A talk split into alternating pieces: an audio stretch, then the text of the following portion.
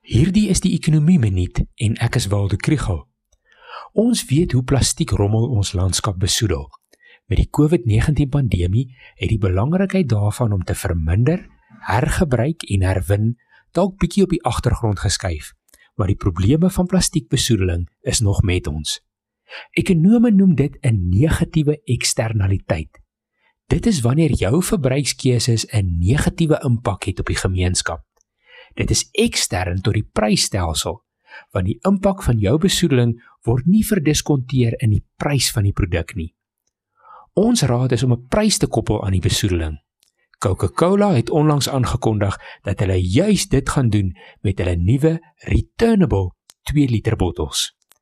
Hierdie bottels koeldrank is ongeveer R2 duurder as bottels wat nie teruggegee kan word nie. Maar saam met die deposito wat jy kan terugkry, kan jy R7 spaar. Dit koppel 'n prys aan rommelstrooi. Bottels wat teruggegee word, word skoongemaak en hergebruik en aan die einde van hulle lewensiklus herwin. Daar was 'n loodsprojek in die Oos-Kaap en dit gaan nou na die noordelike dele van Gauteng, Mpumalanga en Limpopo uitgebrei word. Hou jou oë oop vir returnable bottels naby jou.